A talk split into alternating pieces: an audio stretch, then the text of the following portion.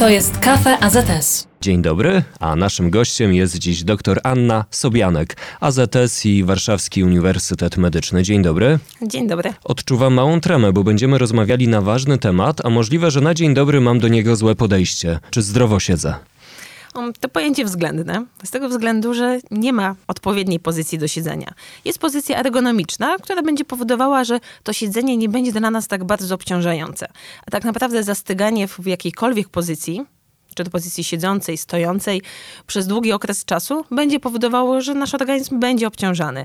Więc ważne jest to, żeby siedzieć, ale co każde 20 minut zmienić tą pozycję. No właśnie, ale popełniamy też e, często dosyć typowe i podstawowe błędy przy okazji siedzenia, na przykład skrzyżowane nogi. Tak, no to, to co powiedziałam, jest pozycja ergonomiczna, mhm. która będzie powodowała, że te obciążenia nie będą tak bardzo drastycznie wpływać na nasz organizm. Czyli powinniśmy siedzieć prosto, stopy powinny być ustawione równolegle, płasko na podłodze. Powinniśmy mieć ustawione siedzisko tak, że całe udo jakby mieści się na tym, na tym siedzisku. E, pośladki dosunięte są do krawędzi. Mamy dobrze parte plecy, e, odpowiednio podparty odcinek lędźwiowy, odpowiednio ułożone ręce na blacie. Oczywiście są to takie schematy, będziemy tych zasad przestrzegać, to to siedzenie będzie oczywiście mniej obciążające. Aczkolwiek, jeśli w tej pozycji będziemy siedzieć 2-3 godziny, to również będzie źle wpływało na nasz kręgosłup, y, na odcinek szyjny kręgosłupa, na odcinek lędźwiowy.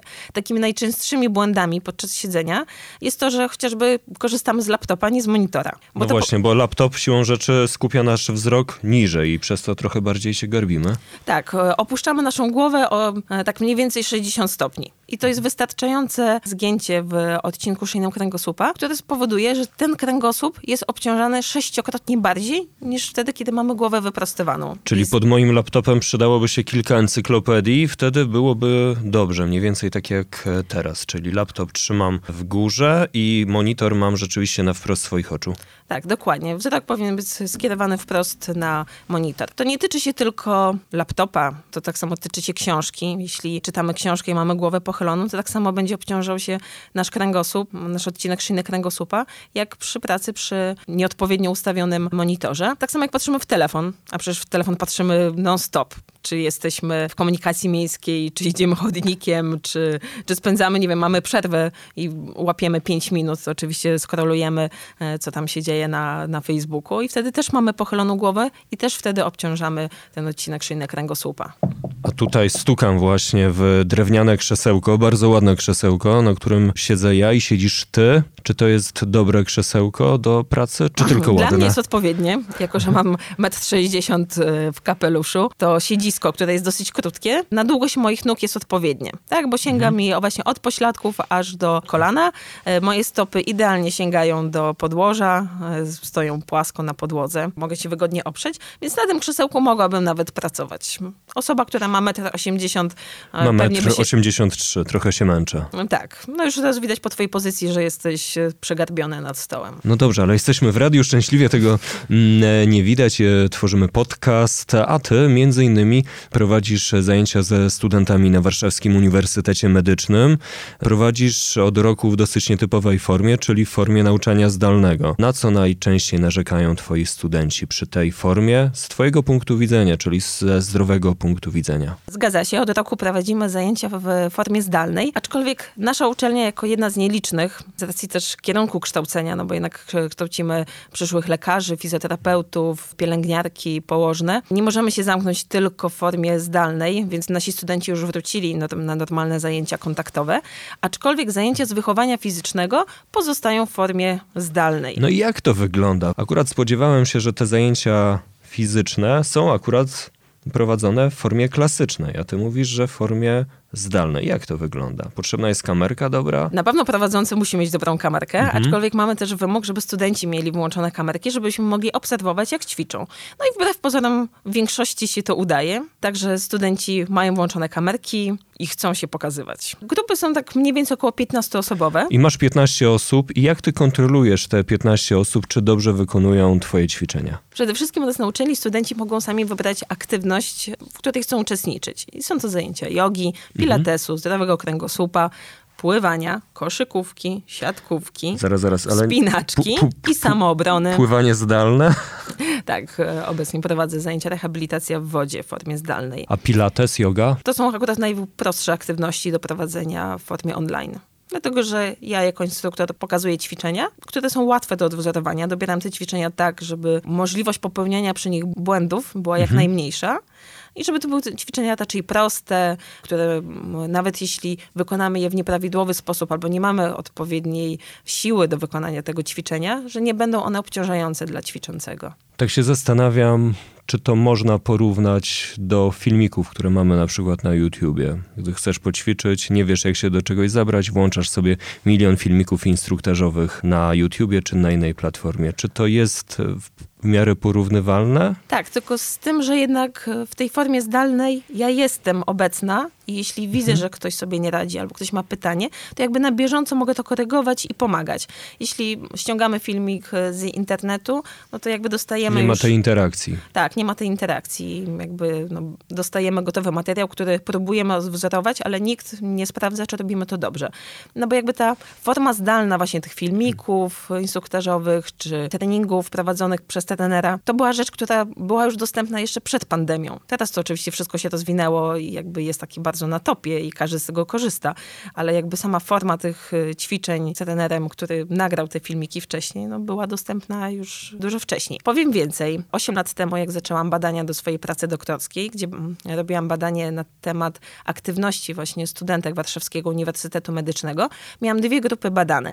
Jedna ćwiczyła ze mną na sali, a jedna dostawała instruktaż do domu, i ćwiczyła sama w domu. Konsekwencją tych badań było to, że obie grupy jakby poprawiły swoją wydolność, poprawiły swoją sprawność i co ciekawe, nie było dużej różnicy między tymi grupami. Czyli te studentki, które dostawały instruktaż do domu, faktycznie te ćwiczenia wykonywały i również poprawiały swoją sprawność fizyczną. Czyli ten rok nie jest rokiem straconym z Twojego punktu widzenia. Nauczyciele, którzy uczą dzieci w szkołach podstawowych czy liceach, mają jednak e, takie wrażenie z różnych względów, a z Twojego punktu widzenia to nie jest rok stracony. Jeśli chodzi o wychowanie fizyczne, to nie. I nawet pozytywne jest to, że ci studenci bardzo aktywnie uczestniczą w tych zajęciach i jest bardzo dobra frekwencja to to, że nie, nie, opuszczają tych zajęć, no bo eliminuje się ten czas dojazdu na zajęcia. Więc jeśli mają dobrze ustawiony plan i na przykład o godzinie 9.30 mają okienko między swoimi zajęciami, włączają się na Teamsach na zajęcia, załóżmy zdrowy kręgosłup, jest to odpowiednia forma właśnie takiego przerywnika, jeśli siedzą na zajęciach i, i słuchają, mhm. albo intensywnie pracują przy komputerze, to właśnie na godzinę robią sobie przerwę i, i ćwiczą. I nie skarżą się na bolący kręgosłup, nadgarstek e, i tym podobne schorzenia, które są typowe dla pracy zdalnej, dla siedzenia przed komputerem? To jest minus e, tego łączenia się przez internet e, tej nauki zdalnej, to, że właśnie nie mam jakby tak możliwości rozmowy z tymi studentami. Oni trochę się krępują włączyć mikrofon, często nie odpowiadają na pytania, które zadaję. Muszę wręcz zapytać ich po nazwisku, żeby wywołać studenta po nazwisku, żeby, żeby otrzymać interakcję od nich. Naukowcy z PAN alarmują. Polacy są zbyt mało aktywni fizycznie. Nie wiem, czy widziałaś tę publikację. Jak jest z twojego punktu widzenia? Tak, jeszcze przed pandemią Polacy za mało się ruszali. Była mowa, że nawet 60% dorosłych mężczyzn nie podejmuje odpowiedniej aktywności fizycznej. Gorzej ta sytuacja była u kobiet. Tam chyba 65% dorosłych kobiet nie podejmuje należnej aktywności fizycznej. No a sytuacja z pandemią spowodowała, że ten naturalny tryb życia związany z naszym stylem życia został wywrócony do góry nogami. I nawet e, dla osób, które były aktywne fizycznie, no to ta pandemia spowodowała, że przestały chodzić e, na siłownię. No bo do siłownie fitness, pozamykane. Tak, tak, bo został zamknięty. I też początkowo mieliśmy restrykcje dotyczące wychodzenia na zewnątrz i uprawiania aktywności na zewnątrz. Więc osoby, które były przyzwyczajone do ruchu, zostały zamknięte w domu.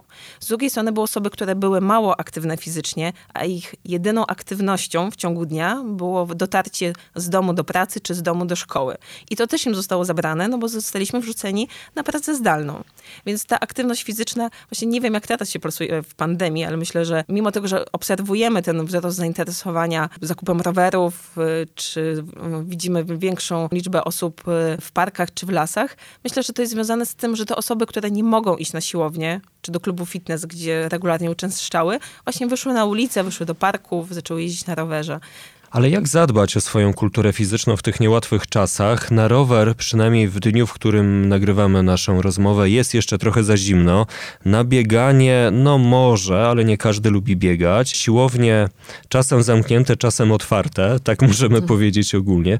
Co możemy zrobić dla siebie? Ta godzina w tygodniu powinna się znaleźć. Powiem więcej, to powinno być 150 minut umiarkowanego wysiłku Dwie i pół godziny w ciągu tygodnia. tygodnia. Taki najkorzystniejszy efekt właśnie w czasie pandemii byłoby ćwiczenie 30 minut e, w ciągu dnia. Każdego dnia 30 minut takiego umiarkowanego wysiłku fizycznego, takiego typu spacer, bieganie. Bieganie oczywiście nie dla każdego będzie umiarkowanym wysiłkiem fizycznym, mhm. więc w zależności od naszej kondycji wybieramy spacer, bieganie, jazdę na rowerze, czy taki właśnie lekki trening e, w domu. A jak się odżywiać? Czego unikać? No oczywiście powinniśmy jeść racjonalnie. Powinniśmy wybierać raczej zdrowe produkty, ale przede wszystkim powinniśmy pamiętać o tym, że powinniśmy jeść tyle, żeby nie mieć nadmiaru spożywanych kalorii. Także jeśli chcemy stracić kilka kilogramów, powinniśmy mieć deficyt energetyczny. Bez względu na to, co będziemy jeść, tych kalorii powinniśmy przyjmować mniej niż e, spalamy. To pozostajmy jeszcze przy aktywności fizycznej. Jaka aktywność fizyczna wzmacnia naszą odporność, a czy jest taka, która taką odporność osłabia? Jeśli e, wrócilibyśmy do tego, co powiedzieliśmy przed chwilą, że powinniśmy ćwiczyć przynajmniej 150 minut w ciągu tygodnia, a najlepiej, żebyśmy byśmy podejmowali 30 minut aktywności dziennie, to należy pamiętać, że powinna być to aktywność umiarkowana, czyli spacery, jogging, jazda na rowerze. Jest to taka aktywność, która będzie powodowała wzrost tętna, ciśnienia, ale będziemy w stanie cały czas podczas tej aktywności swobodnie rozmawiać, tak, że będziemy swobodnie prowadzić wymianę gazową. Wtedy mówimy, że jest to taki wysiłek na 60% naszych możliwości. I to nazywamy właśnie takim wysiłkiem umiarkowanym, który będzie odpowiednio stymulować nasz układ odpornościowy. Czyli w momencie, kiedy nasz organizm spotka się z ewentualnym wirusem, to właśnie takie wysiłki umiarkowane przygotują go do tego spotkania i te procesy, które w naszym organizmie będą zachodzić podczas tego umiarkowanego wysiłku fizycznego, pomogą nam w walce z tym wirusem. Inaczej się dzieje, jeśli nasza aktywność fizyczna jest bardzo intensywna. Jest to bardzo intensywny bieg, bardzo intensywna jazda na rowerze, trening interwałowy, który powoduje, że podczas wysiłku fizycznego osiągamy bardzo wysokie wartości tętna. Ten wysiłek jest dla nas bardzo wykańczający, trwa bardzo długo. To nasz organizm przyjmuje go właśnie jako taką bardzo intensywną sytuację stresową, która jest adekwatna do spotkania z ewentualnym wirusem. Więc w momencie, kiedy jesteśmy narażeni na kontakt z wirusem, nasz układ odpornościowy jest nakierowany na niwelowanie tego, co działo się podczas tego intensywnego wysiłku fizycznego. Czyli można powiedzieć, że piłkarze są bardziej narażeni niż ci, którzy na przykład uprawiają jogging? I tak i nie. Z tego względu, że od piłkarzy wymagamy, że mają dobrą kondycję fizyczną i że są przyzwyczajeni do tego wysiłku mhm. fizycznego. Aczkolwiek, jeśli mają jakiś jednostkowy trening, który jest bardzo intensywny fizycznie, który obciążył ich organizm na tyle, że potrzebują kilku dni do regeneracji, e, to mówi się, że nawet do trzech dni po takim intensywnym treningu ich odporność jest osłabiona, bo mechanizmy, które chcą zniwelować skutki tego intensywnego treningu w ich organizmie, nakierowane są właśnie na niwelowanie tych skutków tego intensywnego treningu, a nie na ewentualną walkę z wirusem. Czyli chodźmy na spacery, biegajmy powoli, jeździmy na rowerze rekreacyjnie. I co jeszcze? Podejmujmy wysiłek fizyczny adekwatny do naszej kondycji fizycznej. Jeśli mówimy, że chcemy biegać, i jesteśmy osobami, które nigdy wcześniej nie biegały, no to ten bieg może być dla nas zbyt intensywny. Więc stopniujmy sobie tą aktywność fizyczną, wybierając na początku spacer, szybki marsz, nordic walking i dopiero jak poprawimy naszą kondycję fizyczną, dopiero przejdźmy do biegania. I też od razu nie zrywajmy się na 10 km na godzinę, przebiegnijmy 2-3 km, co kilka tygodni dodając sobie ten dodatkowy kilometr. Właśnie, żeby stymulować ten nasz organizm odpowiednio do tego wysiłku fizycznego, a przy tym lepiej budować tą odporność naszego organizmu. A czy warto inwestować w różnego rodzaju gadżety zdrowotne, które mogą nam pomóc przy tym siedzącym trybie życia? Różnego rodzaju poduszki pod siedzenie z wypustkami, specjalne podkładki, podmyszki albo na przykład piłki do siedzenia. Czy jest sens w to inwestować? Jeśli chodzi o te dyski, które mhm. wkładamy pod pośladki na, e, podczas siedzenia czy piłki, one mają za zadanie właśnie wytrącanie nas z równowagi po to, żebyśmy nie zastygali w jednej pozycji cały czas. Więc y, siedząc na piłce, cały czas się kręcimy. Bo też jakby zdrowszy kręgosłup mają osoby tak zwane wierci piętki, które cały czas się ruszają. Które a sięgną coś y, z biurka, wezmą sobie jakiś długopis, żeby nim popstrykać, a to wezmą jakąś karteczkę, żeby coś narysować i cały czas zmieniając swoją pozycję powodują, że nasze ciało jest cały czas aktywne, że mięśnie, które stabilizują kręgosłup, cały czas są stymulowane do ruchu. Więc siedząc na piłce czy na takim berecie, właśnie musimy walczyć o tą równowagę, stymulując nasze mięśnie do tego, żeby odpowiednio pracowały i powodowały odpowiednie napięcie, które będzie przekładało się na to, że nie będzie to dla nas tak bardzo obciążające. Czyli ruszajmy się co 20 minut oraz wierćmy się. Z tym apelem pozostawiamy po naszej rozmowie. Dr Anna Sobianek, AZS i Warszawski Uniwersytet Medyczny była naszym gościem. Dziękuję bardzo za rozmowę. Dziękuję bardzo.